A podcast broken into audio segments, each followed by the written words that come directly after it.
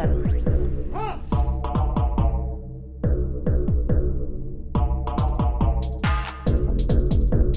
Berätta inte för mig om det svenska klassamhället. Jag har sett det. Jag har växt upp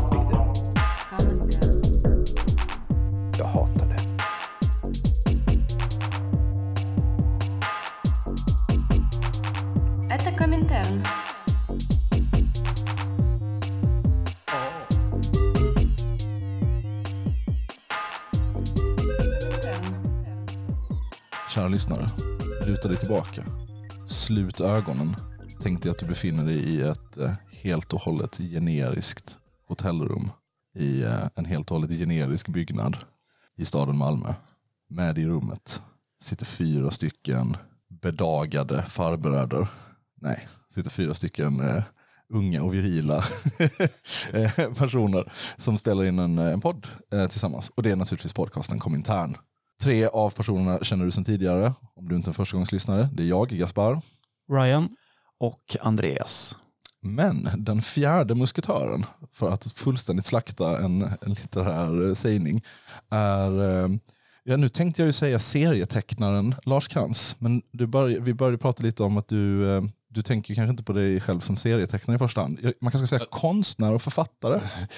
Det spelar inte stor roll egentligen vad jag blir kallad som, för eh, jag är ju serietecknare. Men sen så blir det på något sätt också, jag skriver ju faktiskt också manus. eh, så, men egentligen spelar det inte någon så stor roll. Och eh, du har, har tecknat, eh, jag känner främst till ditt verk från eh, Den svarta jorden. En serie, eh, eller två serieböcker.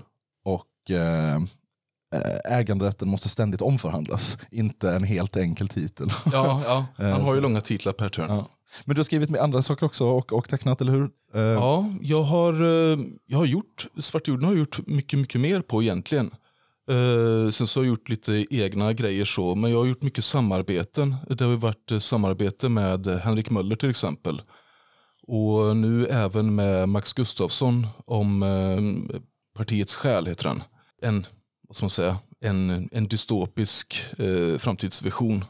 Och, och dessutom så har du illustrerat lite för den som är lagd åt det hållet, lite för fria ligan, eller hur? Ja, precis. Lite Jag har gjort två, två böcker kan man säga. Dels eh, en, en eh, core, core rulebook och en eh, kampanjbok.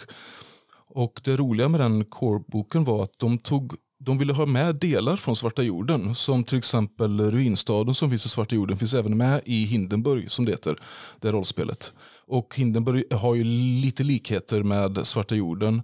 Men de har fört in lite mer steampunk. Och det är någonting som jag själv tänkt faktiskt ha med i Svarta jorden också. Eh, när jag skrivit, man håller på och skriver liksom eh, små story seeds och korta noveller för sig själv och sådär.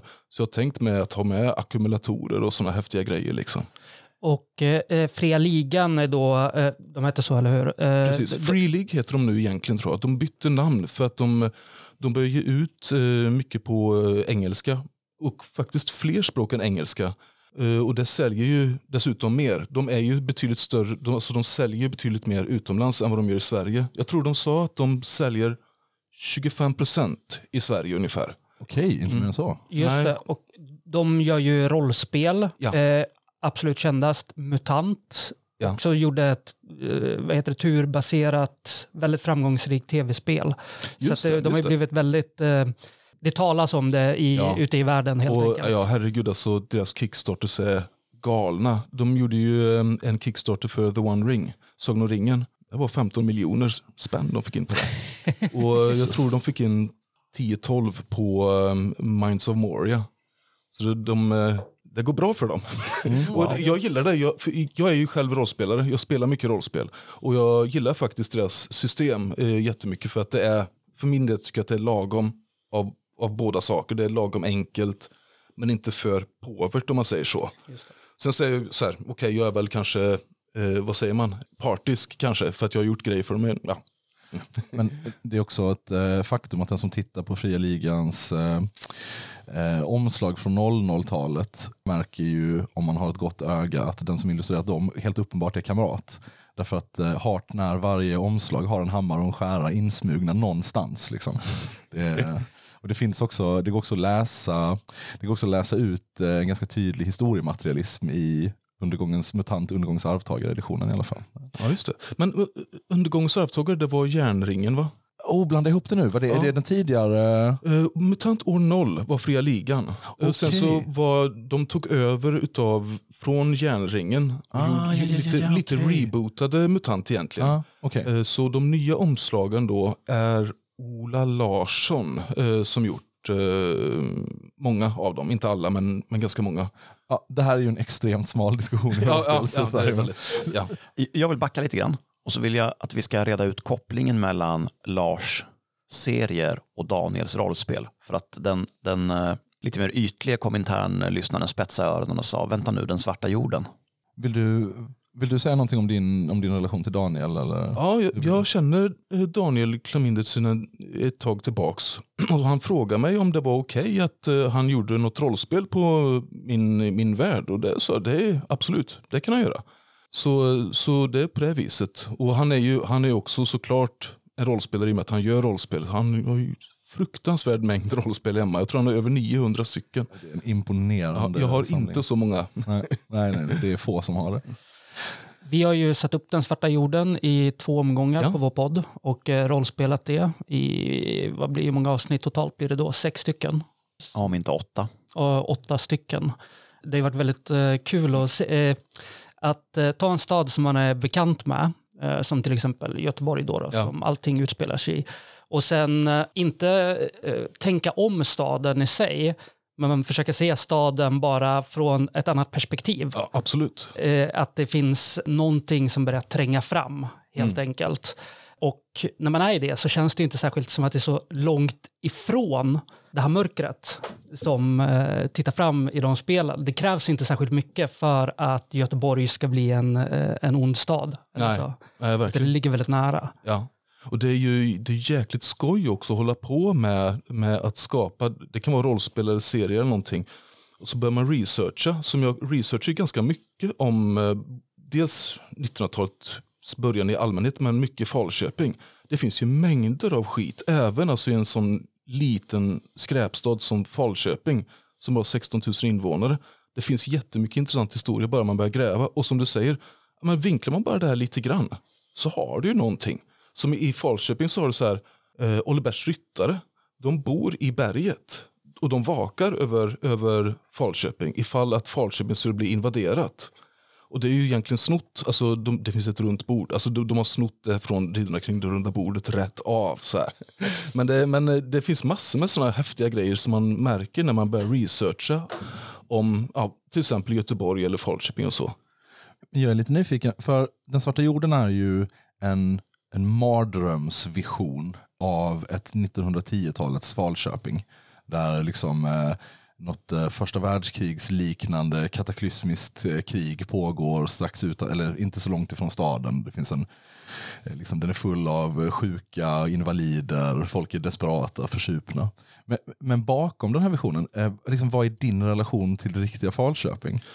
Jag kom ju ut, utanför Falköping egentligen. Eh, jag är ju född två mil därifrån eh, på Bondvischan vid, eh, vid Hornborgaån. Så jag kom från, jag kom från Hornborga. Och Falköping var ju den närmsta staden. Så när man kom dit som ett litet barn så var det, ju- det hade ju lika gärna kunnat vara Stockholm eller London. Liksom, för att det var stort, såg jag det som barn. Och jag tror att när, nu när jag som vuxen skrev om Falköping igen delvis gick jag nog tillbaka till den idén, jag hade, eller hur jag såg det som barn. Att det är en oändligt stor stad. Och det, det vill jag att Falköping skulle vara. Den är fruktansvärt stor. Det har rå, råkat bli så att i min version, vision så är den den största staden i Sverige. Och jag gav inte liksom hur många som bor där, bara att den är, den är jävligt stor.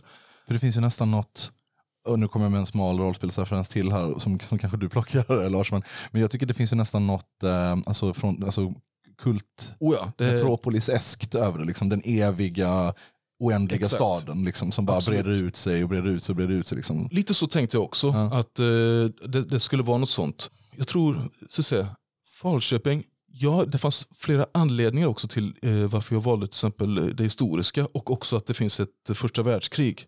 det är ju att eh, jag, vill, jag ville ha någonting som är slaget ur gängorna. Liksom. Det finns egentligen ingen riktig kontroll. Utan istället så man, man för in en form av fascistoid grej, liksom, en supernationalistisk grej i, i, i världen. Såklart därför att det, Sverige är invaderat, då blir man också väldigt nationalistisk. Alltså man för samman folket och så. Men också lite för att ha en, en värld där makten egentligen har börjat förlora kontrollen över allting. Det finns ingen verklig kontroll utan istället så har du då den här hårda handen liksom, som försöker klamra sig åt en, en form av ordning. Liksom. Att upprätthålla en status quo som håller på att försvinna. Och det var, det var även en annan anledning till, till det var att jag ville inte ha det moderna. Det, för det, det blir så, jag kan tycka att det blir så svårt när man har så mycket kontroll som det finns idag. Och så tänkte jag, att men jag vill ha någonting där, där liksom mord kan ske eh, när som helst och det, det blir liksom ingen uppföljning av det och, och så vidare. Så då kan man få in massor av häftiga historier utan att tänka på, ja, men herregud, här åker personen fast. Så här. Bara, nej, den åker inte fast därför att det är så jävla mycket annan skit som håller på att hända hela tiden. Men sen så efter det, för det här var ju länge sedan, det här var ju 2009 tror jag började tänka på Svarta jorden. 2009-2010. Men sen så efter det så kom ju Fritzl upp. Och så visade det sig att men även i modern tid så kan jävla konstiga saker hända och ingen vet om det liksom. Fritzl som för övrigt väl får bli villkorligt frigiven nu idag. Just det, för två dagar sedan hörde jag om det. Ja. Ja, ja. Men, men du, jag tänker vi ska komma tillbaka, för jag vill gärna diskutera lite, eh, eller dra ut lite fler av de liksom politiska spåren Mm. i, i kanske främst den, eh, i, i överhuvudtaget i dina verk. Liksom. Men, men, men innan vi kommer dit, jag måste fråga, hur mycket hade du läst From Hell innan du började med Jag har inte läst From Hell. Nej, okej! Nej, jag har inte För- läst den. Intressant. Nej, det, det, det det- är ju, du måste bli tipsad om det här Ja, förut, men det, hade ju, alltså, för det är ju en, en, eh, en mord, eh, eh, ja, i sin, allra enklaste form, en morddeckare i en eh, metropolisesk Ja. eh, stad, liksom viktoriansk London. Så det hade ju säkert varit, för, dem, för, för mig är ju de två liksom companion pieces. Ja, den, den är ju, jag, jag, jag ska läsa den om dagen. Precis, det har kommit ut en bok som bara är referenser va? Det har inte kommit ut en ganska tjock bok som är så här om From Hell. För att det är så jävla mycket insprängt i den boken. Säkert, och det- i alla fall i den utgåvan jag har så är ju sista tredjedelen Shit, ja. bara, för då går de igenom sida för sida, panel för panel, alla referenser. Så det blir ja, men det är, ja, men det är ett fantastiskt, jag rekommenderar det varmt. Liksom. Jag, jag Ja. har säkert haft mycket utav att läsa det. Okej, eh, mycket, jag var helt övertygad om att du hade läst det. Men, Nej, sen, nej, men då måste jag fråga om en annan, eh, en annan grej. Christer Pettersson är ju eh, den lite osannolika hjälten i den här Ja. historien. Kan du inte berätta lite om hur du... För det, är ju, alltså det funkar ju så, tycker jag i alla fall, funkar ju väldigt, väldigt bra. Men Ja, det är också lite... det började egentligen förvånande. det började som för länge sedan, typ 2006, tror jag det var 2005, 2006. Så jag hade inte börjat på serieskolan, men jag tecknade en serie med en kille som skrev manus. Och så höll vi på lite så här och greja och fixa. Och eh, så frågade han mig, så bara, men Lars, är inte du intresserad av att skriva manus någon gång? Så här. Och eh, vad skulle du skriva om då? Så här. Christer Pettersson som deckare. Det, och det var inget, eh, liksom, inte så att jag tänkte, alltså, det, det, det var en känsla egentligen, mer än en form av intellektuell grej jag kom fram till. Så här. Och så, ja, han passar så jävla bra som en deckare och så får man då tänka bort att han som verklig människa var en, en inte bra person. Han var ju en mördare. Det visste jag faktiskt inte om att han var. Jag visste inte om att han hade mördat en person. Hade, hade jag vetat om det så hade jag kanske tänkt på att ta någon annan. Men, eh, men det blev Christer Pettersson och han, han, han, har, han har en uppsyn som är också så här från, han är som en kvarleva från en gammal värld också. Fast inte så långt som 1910 utan snarare så här 1980-talet. Alltså, han är någon form av kvarleva. Det är liksom snusdosor, det är porrtidningar. Det, han, han är den där, han är, för mig så var han på något sätt så här, den enkla människan. Så, här. så länge Christer, det var en sån devis jag hade så att Christer Pettersson kan inte dö så länge den enkla människan existerar. För att han är så här, den, en symbol för mig, alltså min version av Christer Pettersson var en symbol för liksom, den enkla människan. Och mycket så här enkeltänk också, som ändå funkar. Men Christer Pettersson känns ju som att han hade fungerat som, vad heter det, den här gamla Ja. Colombo-serien. Precis. Att han eh, mer eh, går in som lite så här, lite så här dum och så här, eh, rumlig liksom och Ja. lyckas på det sättet Men det fisk, finns en fiska. form- all- Ja, men det finns en form av djävulsk intelligens bakom. Ja Liksom. men precis, Ja. eh, exakt. Ja. Och något jagat, någon som aldrig ger upp. På något Ja, sätt också, sådär. absolut. Ja, ja. Och mycket det att han är en överlevare. Att han, han lär sig att överleva. Bara, saker och ting är som de är. Så här. Att han kan acceptera det fruktansvärda som sker i 1910-talets Sverige. Och att han eh, jag hade planer på det också. Att, ja, men, det finns en som heter eh, Laura Osborn. Hon accepterar inte läget riktigt. Hon, vill inte, hon gillar inte censuren som finns till exempel i tidningarna. Att det bara ska vara propaganda som kommer ut hela tiden. Det ska bara vara bolstra liksom, mor, mora, vår moral. Och, men det finns verkliga historier där ute. Medan Christer är som bara, ta det lugnt så här. Saker och ting är som de är. Liksom, du kommer att gå under om du håller på på det här viset. Det handlar om att mer rulla med slagen och så. Du, eh, det är ju lätt att se att du vill göra vissa politiska poänger i, eh, i den svarta jorden. Eh, Det är liksom, jag tycker att man kan se antimilitarism, man kan se Ja. feminism, sådana där saker. Men ser du på dig själv som en, som en politisk liksom, konstnär? Eller, eller, Nej, inte, inte politisk på det sättet. Inte, inte liksom och så, att sprida partipolitik och sånt där egentligen. Men däremot så kanske jag har en bakgrund som det i och med att min mamma har varit väldigt så här fackligt eh, engagerad och jag kommer ju från en arbetarfamilj där pappa arbetar på Volvo och mamma arbetar jättelänge som eh, i storkök helt enkelt på ett sjukhus. Och hon var också väldigt, väldigt eh, engagerad i, inom socialdemokratin då. Och så pass att hon faktiskt blev utbränd eh, på det. Och hon kunde inte ta några mer politiska uppdrag för att det blev. Så jag tror att det kan ligga, det ligger nog bakom också. Och det finns ju, om man säger svart jord, så finns det ju även, egentligen finns det mycket i det visuella också. Jag vill inte ha till exempel snygga personer med. Utan jag vill ha, och jag vill framförallt ha enkla människor med. Alltså gärna fattiga, gärna alkoholister och sånt här. Man vill gärna ha liksom den enkla människans perspektiv på saker och ting. Och jag tror också att det är, vi har naturligt att vi, vill, vi gillar underdogs. Liksom. Och jag vill gärna behålla den, det perspektivet. För det finns ju eh, en som, genomsyrar hela den serien. Liksom, men, eh, framförallt så, nu, nu tänker jag mycket på det för att, eh, för att du vet, det är NATO-debatt och sånt där. Men det finns ju en jättetydlig sån antimilitarism Oh ja, oh i, ja, eh, i absolut. serien. Ja, men det absolut. Det, det är ju, och det var ju någon som sa det. eh, Det finns ju punkter för att om du ska skriva någonting som är antikrig och inte egentligen krigspropaganda, då måste du uppfylla vad är det, fem, sex punkter. Liksom. Det får inte finnas en god sida till exempel. Du får inte porträttera soldater som den goda eller den onda. Och det är likadant, du får inte porträttera hjältar. Det finns inga riktiga hjältar i krig. Så det finns olika typer av punkter som du bör bocka av. Och är de inte avbockade så då ser du nog på en film som är inte en enrollment-film, men alltså nästan åt det hållet att du bör bara, ja, krig är fel, men bara, du porträtterar inte krig som någonting riktigt fruktansvärt egentligen. Det är fortfarande ett pojkäventyr. Även fast bara folk dör. Ja men, ja, men de dör som hjältar. Bara, det är inte, du kommer inte dö som en hjälte, det kommer inte vara heroiskt. Så, här. så det, det, och det tänkte jag mycket på när jag skapade det här med kriget, att det är bara skit. Och man börjar fatta också att jag, menar, som, jag kommer inte ihåg hur mycket det står i Svartjorden 1 och 2 men det finns ju sådana grejer att du får inte ens diskutera med fienden. Du dödar honom rätt av. Det finns inga förhör, ingenting. Så därför är eh, fienden så namnlös. Och den måste förbli namnlös. liksom. Du ska döda honom. Varför då? Bara, därför att de har gjort samma sak mot dig. Och värre saker. Alltså, du vet att de sprider att de är nästan odjur. Så här, alltså det är ju, man demoniserar ju då liksom den andra sidan. Men man, någonstans fattar ju läsaren själv att ja, men det är ju någonting ruttet i Sverige också såklart. Liksom. Det är så himla intressant att eh, du tar upp det här med de här punkterna som man liksom i, Mm. inte får råka uppfylla om man ska göra någonting som är antikrigs. För Ja. man kolla då på till exempel sådana filmer som klassiska filmer som klassas Ja. som antikrigsfilmer.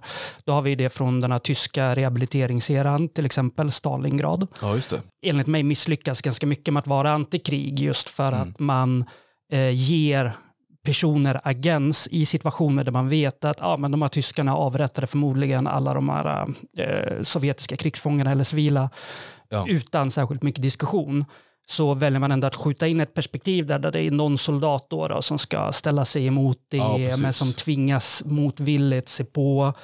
Eh, samma sak i de här Vietnamfilm, Vietnamkrigsfilmerna, Plutonen och så, Ja. så finns det ju så hjälteelement där Exakt, som det rör sig. då då, um, uppoffringar och ja, ja precis. Exakt. Men så finns också Starship Troopers, Ja, där, där ingen person eh, är en hjälte, eller alla som framställs som hjältar där är egentligen, eh, eh, man kan se bortom det. Man ser att okej, men de lyfts som när de fångar den här äh, stora järnkrypet eller hoppar upp med en sån mini-nuke bazooka och spränger någon grej så eh, sker det ändå inom kontexten av att det är någonting väldigt, väldigt konstigt som pågår som Ja. man inte riktigt vet vad fan det är som händer. Och liksom, någonstans så finns väl där i, i filmen åtminstone att man nästan börjar ana att bara, det var nog vi som var the aggressor. Ja, alltså, det, alltså, det, man, man, och det, som jag har förstått det om filmen och boken, det är ju att boken är ju profascistisk. Exakt. Men filmen har jag hört att där vill de ha någon form egentligen av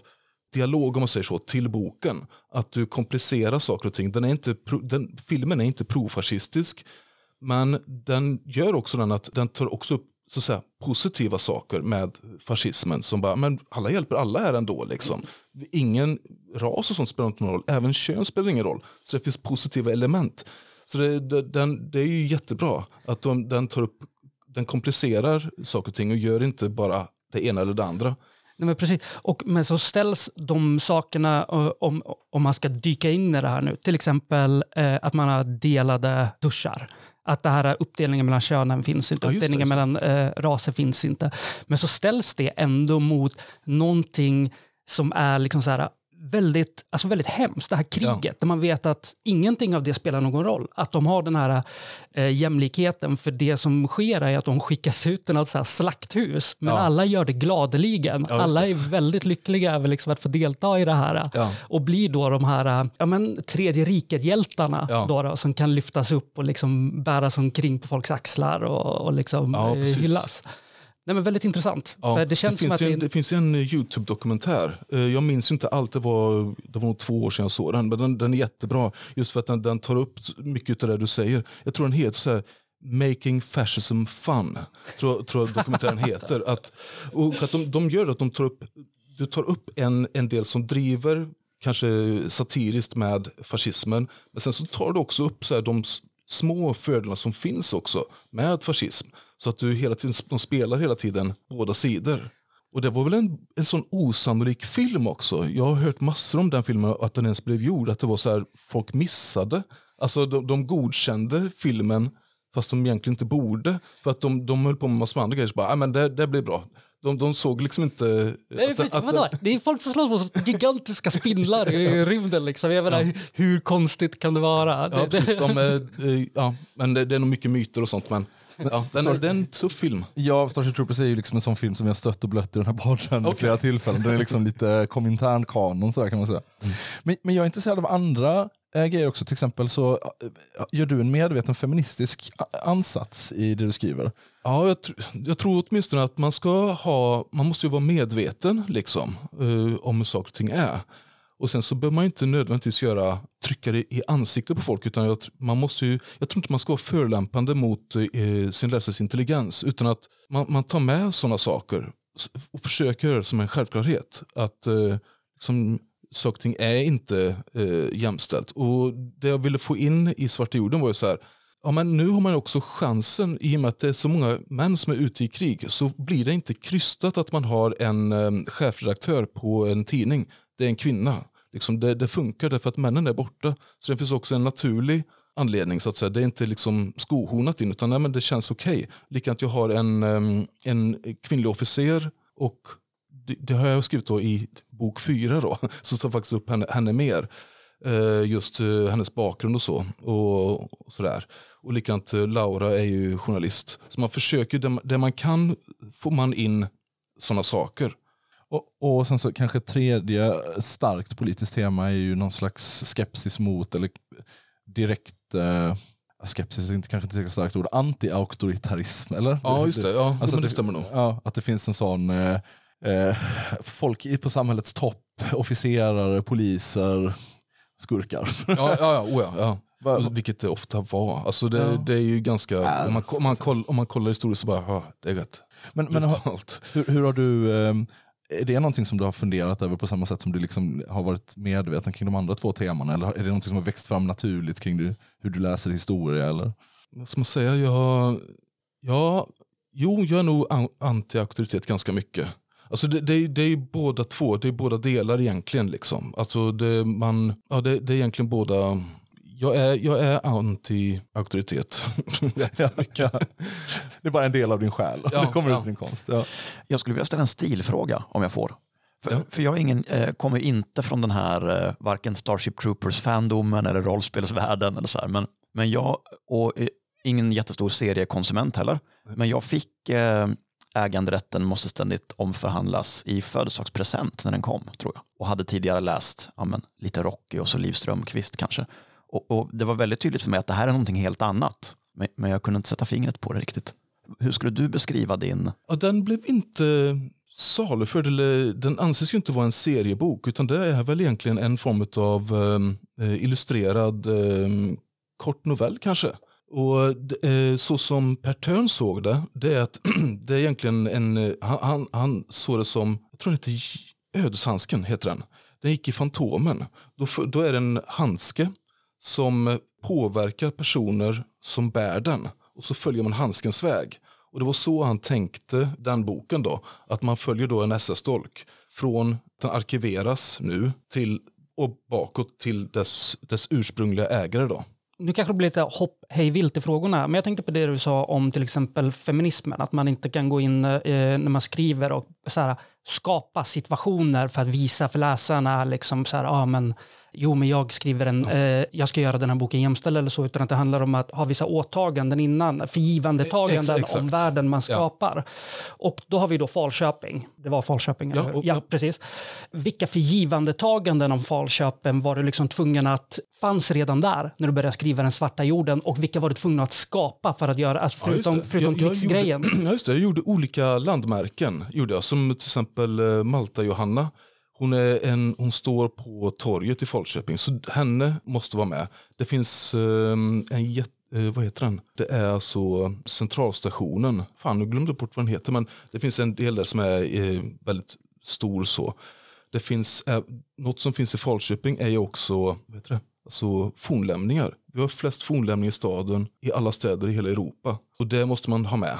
Så många sådana grejer tog jag med. Sen så eh, andra saker följer mig väldigt fritt till, till Falköping. Alltså, som, som till exempel storlek eller byggnader överlag. Och så här. Jo, det finns ju också Ströget. Eh, Falköping har åtminstone haft Sveriges längsta strög. Så det finns med. Det, finns, så det är sådana såna grejer bör man ha med för att, för att det ska bli Falköping ändå. Så det inte bara är vilken random stad som helst. Utan du behöver vissa grejer. Sen så, sen så ändrar jag om liksom allt annat. Egentligen, nästan allt annat. Men, men sagt, vissa, det finns ju även hotellet, det byggdes säkert senare. Men i och med att det här är fiktion så kan man säkert dra, dra det bak. Liksom. Jo, det finns ju också eh, hospital, eh, nej, vatten, vattenkurorten. Den är väldigt känd. Det var ju faktiskt prinsar och alla möjliga som kom dit. Så den har med också. All right. För jag tänker liksom så här, om, om jag hade gjort något liknande projekt om där jag kommer ifrån så finns det ju, det finns ju kanske som vi var inne också på lite en känsla. Ja. En, eh, när man befinner sig på en plats, speciellt som man liksom är uppvuxen på eller omkring du då som var från eh, utanför Falköping och du pratade om det som den här stora oändliga staden som Ja, nämndes precis. innan. Men eh, det finns ju också någonting som ryms i barndomen, alla minnen tillsammans och alla saker man har gjort som blir någon slags så här baseline när man tänker på det. Ja, just Och det. den kan vara ganska melankolisk, för vissa är den jättelycklig och så. Mm. Eh, är det liksom någonting som också har en plats i boken? Mm, nej, det, det Eller i är det nog. Jag har nog faktiskt inte med det. det. För min, eh, min känsla av Falköping är väl, alltså, ja, det, det är lite dubbelt om man säger så. Eh, ja, men jag, har, jag har inte med så mycket av det i boken. Det har jag nog istället haft med kanske i en eh, självbiografisk bok istället, tror jag. Men jag förstår vad du menar. Eh, jo, men att, jo, det finns faktiskt vissa delar som jag har med. Men jag kan nästan inte gå in på dem för att eh, ah, det kanske är lite tungt, jag vet inte. Jag har, det, ja, mm. Nej, jag, tror jag, jag tror jag fattar vad du menar. Ja, för- okej nu, nu, blir det, nu studsar vi igen tillbaka.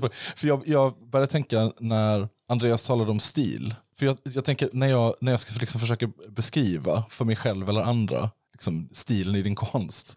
Då är det, det jag hamnar närmast är ju bara ja, men det, det är metal. Ja, absolut. Ja, ja, men det, det, det, jag ville när jag började, när jag började göra uh, CC, jo, det var faktiskt Svarta jorden. Då hade en idé om, kanske inte nödvändigtvis just Svarta jorden, men en typ av C.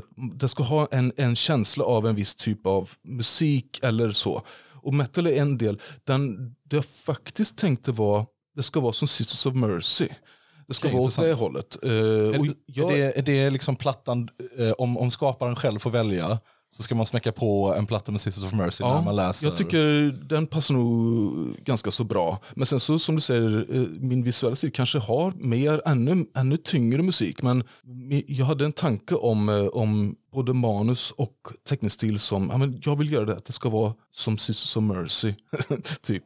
Ja, för att säga lyckat ändå. Eller, Ja, jag tycker just att det, är- finns, det finns någon form av kan man, du vet, nästan patetiska grejer. Det. Eh, Och det behöver inte vara fel eh, heller, att det är liksom lite för mycket så. Och det är väl kanske svart jorden ibland, att det kanske är lite dra dramatiskt och så där, du vet, det kanske i värsta fall blir cringe även. Och det vill man kanske inte ha, men att man måste kunna tillåta saker och ting att vara lite så ödesmättat. Det är också så, den Svarta jorden, första delen kom ut 2015. Ja, ja däromkring. Ja. 15 och 2016, eller ja, däromkring. Så det är ju, den har ju några år på nacken nu. Ja. Och, men, och nyligen så kom en bok av Henrik Möller som vi nämnde tidigare ut som hette Apokalyps Malmö. Ja. Eh, Den har jag läst. Ja, jag, jag, har inte, jag har inte läst den. Men, eh, och, sen så, och, och innan har han skrivit Bördel i Malmö och sådär. Och sen så finns det ju då Daniel som har skrivit eh, vad heter det, Svarta jorden, Västra Götaland. Så jag tycker liksom man kan skönja någon slags skräcksubgenre. Ja, det, det är sant. Som handlar faktiskt. om du vet, onda platser. Förstår du vad jag menar? Och där Det- det- Svarta jorden är då, någon då slags har du faktiskt helt, då tycker jag att du har helt rätt i.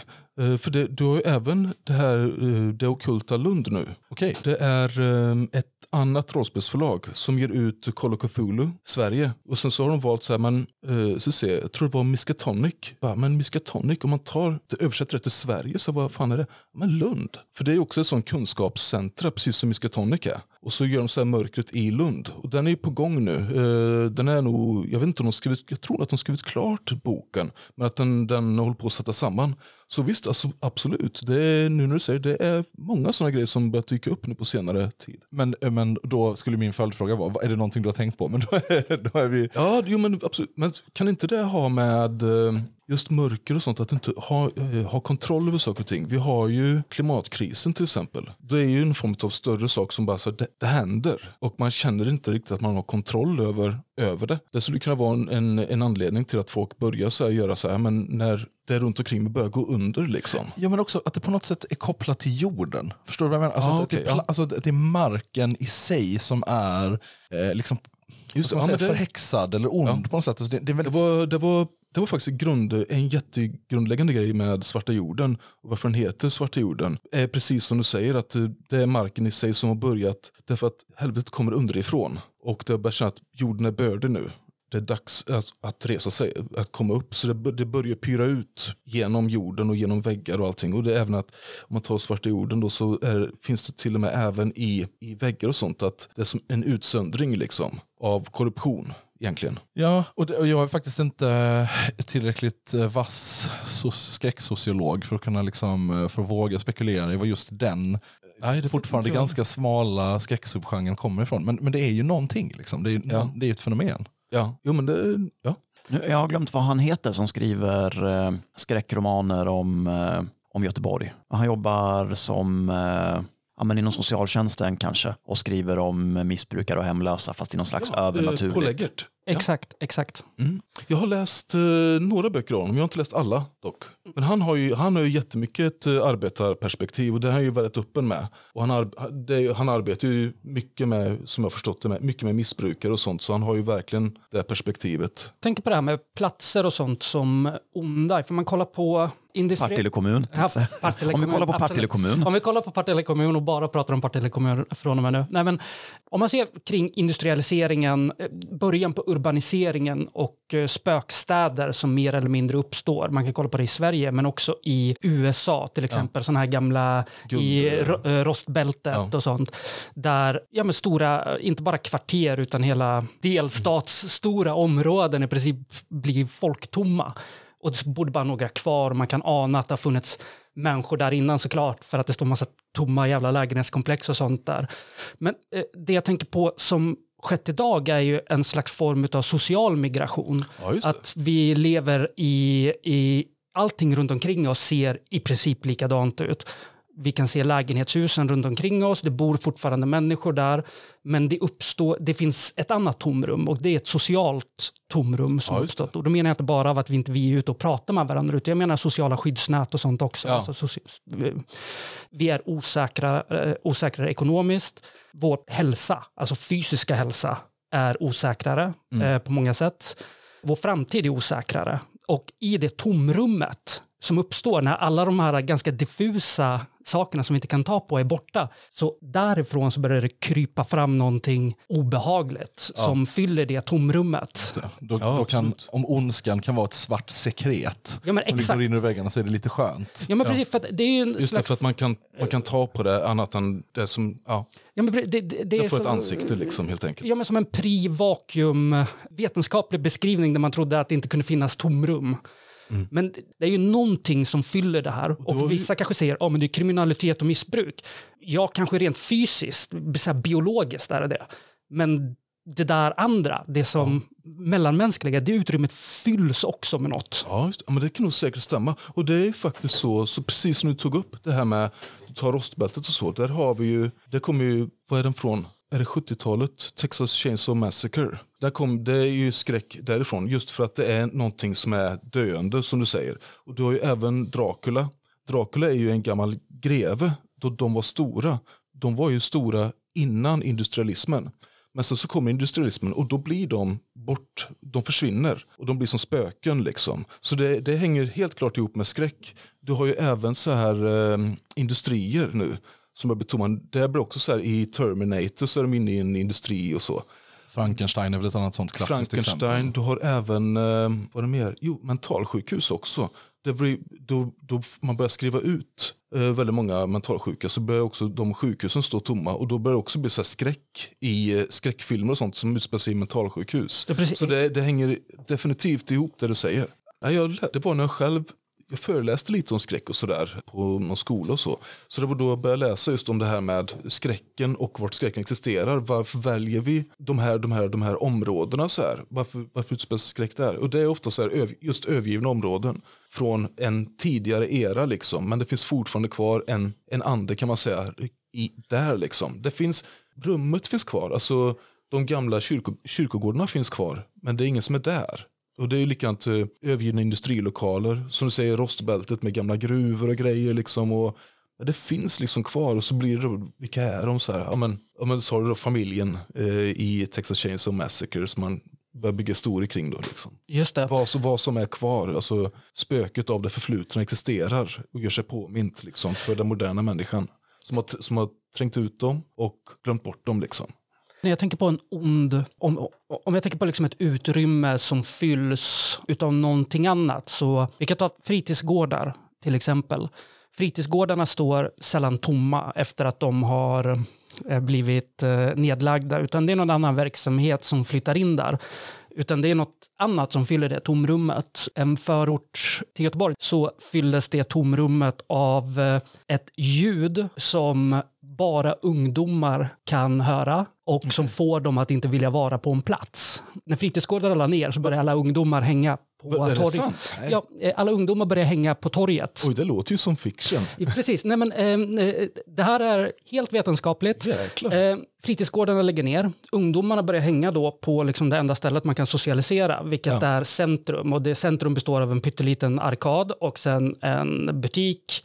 Och det, man kan liksom gå in där och värma sig när det är kallt. Men Det ska man ge fan i. det ska man ge fan i, för ägarna till själva eh, arkadbygget, eller gallerian, vill ju inte ha massa ungdomar som hänger där. Så de installerade, utan att säga till någon, ett sånt eh, eh, högfrekvent ljud eh, som äldre personer inte reagerar på, men yngre personer får till exempel ont i huvudet eller känner Jäklar, obehaget av det. Vad skumt.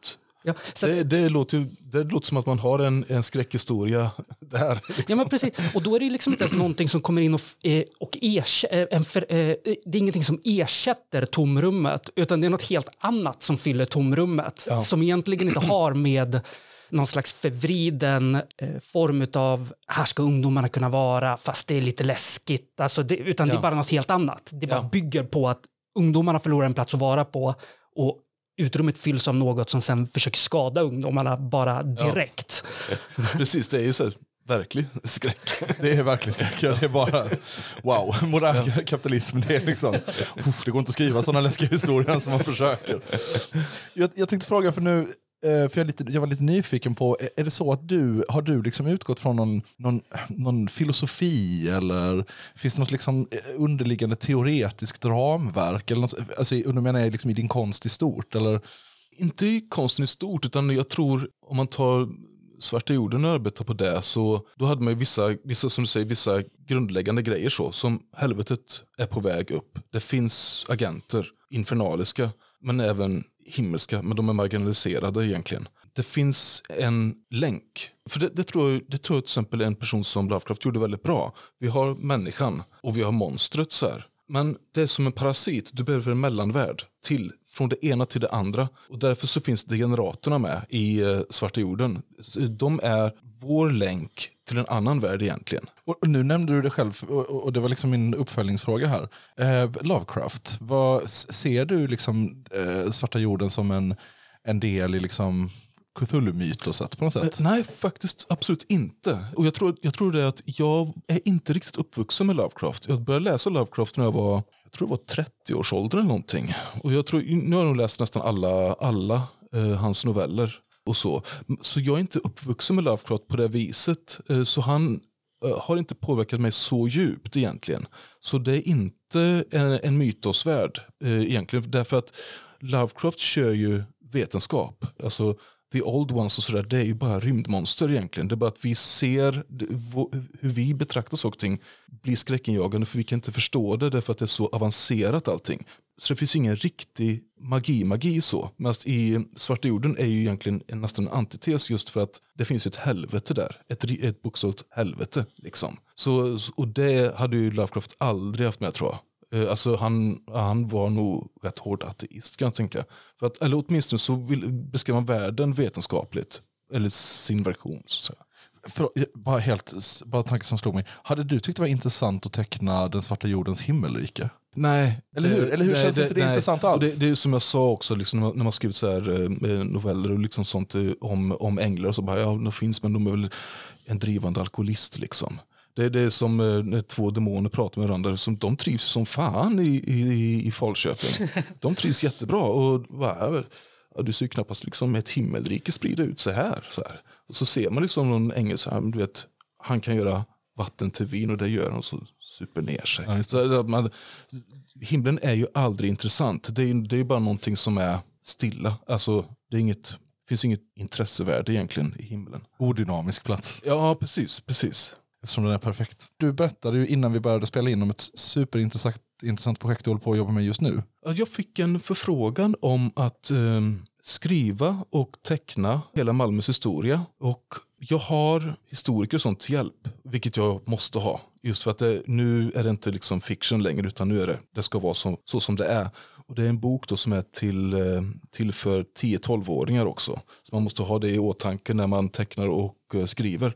Är det som eh, lärobok i skolan? Eller är det, Det är det. Är det. det kan man säga att det är. Det är en form av historiebok för barn helt enkelt. Så. Och, och, och du, ni, den går alltså från 1200-tal till idag? Ja, precis. Mitten på 1200-talet kan man börja säga att, man, att Malmö skapas. Liksom, att man, man kan säga att det är en stad. Och sen så går det fram till eh, nutid. Sen så, vi är inte, vi är, jag har skrivit fram till 1950 och eh, sen så är det så här, hur långt in, hur långt in i vår nä, alltså absoluta närtid ska man gå? För det är också så, bara, beskriver man här och nu, bara, men vi har ingen, vi har ingen distans just till, till, vår, alltså, till 10-talet eller 20-talet. Det är väldigt svårt att, att kunna se de stora grejerna. Så vi, vi, har, vi har diskuterat fram och till när man egentligen ska sluta, avsluta boken, liksom, eh, vad som blir ett bra av, avstamp. Liksom. Men vad, vad, kommer ni, vad har ni landat än så länge då? För jag tycker det är en superintressant fråga.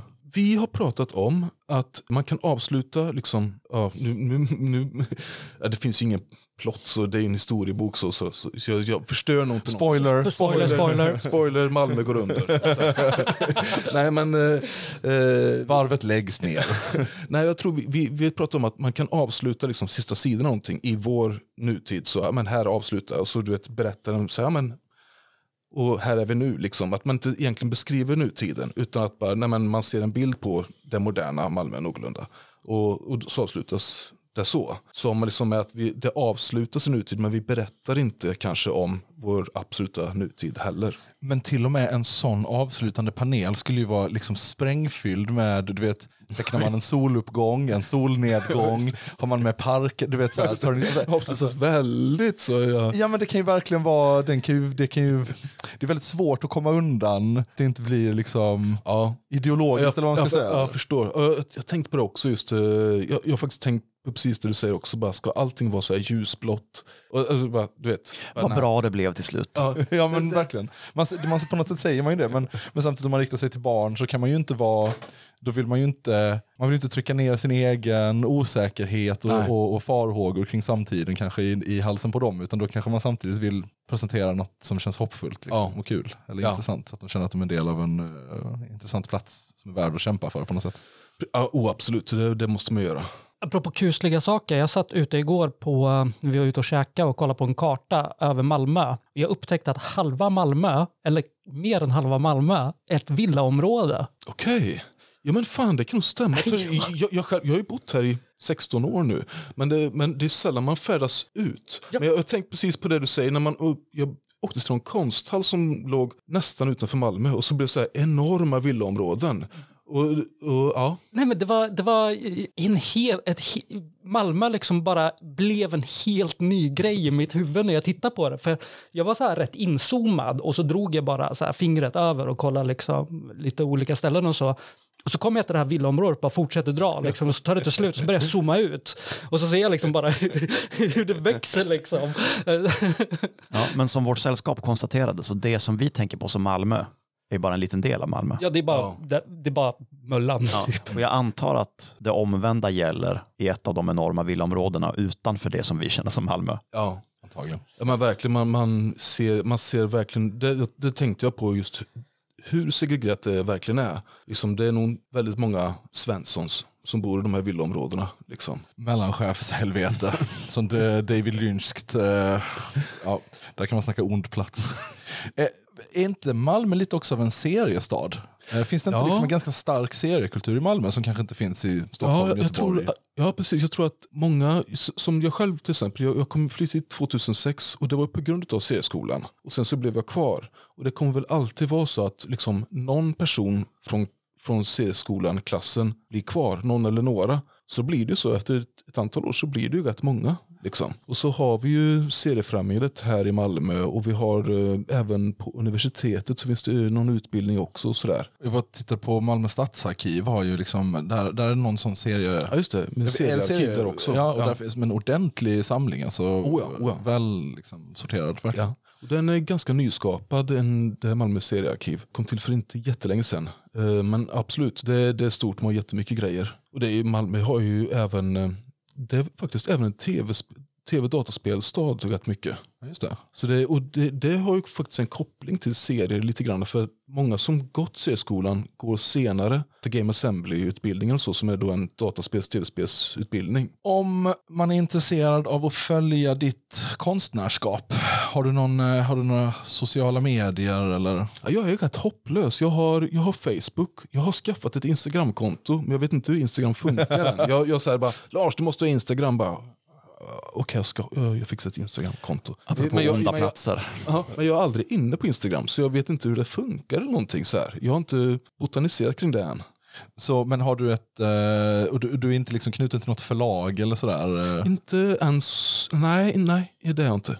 Så man får helt enkelt bara googla ditt namn då och då om man vill veta vad du har eh, på gång i form Ja. av eh, verk. Ja, ja det fair enough. Ja. Förlåt, jag förstår att jag borde ha tänkt på det här innan, men är det okej med ett tillbakahopp om Falköping? Det är säkert du som klipper sen så att du får... Eh, Okej, så Falköping i den svarta jorden existerar ovanför helvetet. Ja, åtminstone. Jag, jag gjorde faktiskt, eh, se, jag började nog med någon novell som blev en serie. Sen så gjorde jag, säger man, alltså inspirationsteckningar, många. Och eh, bland annat så var det ju Svartjorden är ju hela världen egentligen. Det är bara att jag fokuserat på Falköping. Så det, jag tog till exempel Göteborg. Göteborg har ju många, vad heter det, kulvertar, eller vad, heter, vad kallar man det? Gångar under jorden. Ja, liksom. katakomber. Ja. Jag vet, inte, vet ni var de kommer ifrån? Vad, vad ursprunget till det är? Jag tänker att det är skyddsrum och sånt där. Alltså. kanske. För det, vet att det är rätt, rätt mycket under Göteborg. Så, då, så när jag gjorde om Göteborg så tog jag fasta på det. Då, liksom. Och, men som du säger, ja, Falköping har ju då sin, sin grej med Ollebergs ryttare. Vilka är Ollebergs ryttare till exempel? Att det finns vet, frågor. Eh, Man, man, man, eh, man, man lägger ut en, en gåta eller en fråga till läsaren som man kan portionera ut svaret på eh, allt eftersom. Just det. Eh, Men skulle du säga att Falköping ligger särskilt nära helvetet? Är liksom skiktet där tunnare? Ja, ja, men det är och nog- är det för att Det kan nog vara, det, absolut, membranet kan vara tunnare eller tjockare lite beroende på vart man befinner sig. Och är, är det Falköpings fel att det har blivit tunnare eller är det helvetets som bara liksom av någon där, eh, vad heter det, geolo ge, geologi så har det liksom erosionen tagit bort eh, delar av membranet? Eller ja, finns precis. Det... det, Det, finns en, det finns en tanke där. Vi har ju fornlämningarna. Det finns så jävla mycket fornlämningar i Falköping och de har ju en koppling till helvetet. Till exempel att när det blir eh, dimma då tunnas membranet ut. Och du kan gå in, för det finns ju, jag vet inte om ni sett dem, det är som en stor stenplatta som hålls upp av andra stenar så kan du gå in via fyra väderstreck. Det är ju en grav. Och går du in där så kan du komma till dödsriket. just det, Det är ju gamla, det är inte vikingagravar, tro, eh, jag blir osäker på. ännu äldre eller? De är jävligt gamla alltså. De är, många av de här gravarna är fruktansvärt gamla. Säkert någon som, jag tänkte säga kopparåldern, men den Ja. finns inte. Vad heter det? Bronsåldern. Kopparåldern är nu. Det är, speciellt i mitt område där det ligger massa brända kablar överallt. Ja. Eh, Okej, men om vi tittar på Sverige eller världen idag. Finns det något ställe du skulle säga där membranet är särskilt tunt? Där du liksom ser hur helvetet sipprar upp? Eller liksom känner när du går liksom på huvudgatan en, en, en lördagkväll att eh, här, här jävlar, här... Ja, det, det måste ju vara, det måste, om man tar koppling till Svarta jorden, att det blir en antikriggrej. Liksom. Alltså när det, kriget är så nära helvetet man kan komma egentligen. Det är ju då allting verkligen är helt liksom. Och eh, det blir ju så när det blir krig att upp och ner, upp blir ner och ner blir upp. Alltså saker och ting blir helt omvänt liksom. Och det är väl så nära helvetet man kommer. När liksom sanningen blir ett problem och lögnen blir sanningen. Alltså det, och allting blir irrelevant. Sanningen är i sig själv fullkomligt irrelevant. Det är då du börjar komma nära helvetet liksom. Och det är väl så egentligen som om man tar inom eh, islam, där de pratar om eh, demoner, jinner, deras absolut främsta egenskap är lögn. Lögnen är liksom grunden till allting. Och det är ju även inom kristendom så finns ju den att lögnen är liksom början på, det, det, det är alla demoners absolut främsta egenskap liksom. Just det, så att från och med igår när Turkiet ratifierade svenska NATO-medlemskapet så har membranet tunnats ut lite grann eh, över, över hela eh, Sverige och, eh, Rosenbad. och Rosenbad. Ja, precis. Kära lyssnare, håll i hatten i det tunn, allt tunnare membranet du befinner dig. Tack så mycket Lars Ja, tack för själv, din tack själv. medverkan i den här intervjun. Eh, det blir en, eh, en tight timme. Mm. Mycket att säga. Ja, jag håller ju också på, jag har gjort en bok med eh, Max Gustafsson eh, som är en, eh, som säger, det är en politisk mörk satir kan man säga. Som, som ska komma ut när den kommer ut. Just det, ja, för det är det jag tänkte avsluta Mm. med här. Finns det någonting du vill att du vill liksom flagga lite för? Det här har jag i pipe. Ja. Det här kommer. Den, den, den kommer ut, den heter Partiets själ. Okej. Och den är, den är klar och allt sånt där. Så ska den ju komma ut också. Var kommer man kunna hitta den? Det vet jag inte riktigt än. Nej. Någonstans. Ja. Ja. Jag tänker att vi, vi taggar in både Max och Lars Instagram och så någon av dem, Lars. Eh, Max kommer säkert att lägga upp sen. när det Ja. Max är nog mer aktiv på det forumet tror jag. Finns det något annat du vill, känner att du vill ha sagt innan vi eh, tackar för den här intervjun? Nej, jag däremot eh, jag är jättetacksam för att jag blev förfrågad och var med på den intervjun. Det var jättetrevligt. Ja. Skitkul. Helt Ja. åt på vår sida. Det, är- Eh, om man på något annat sätt vill stötta samhällets goda krafter. Eh, då skulle man kunna bli medlem på vår Patreon. Är det det du fiskar efter nu? Absolut. Fångade jag den bollen? Ja, det gjorde du. Snyggt. Tack. Eh, man kan också recensera oss på vilken eh, sån poddapp du än lyssnar oss på. Tydligen så hjälper det. Det hjälper oss. Ja. Tack så jättemycket och tack Malmö. Tack Lars. Tack. Hej. Ha det så gött. Samma.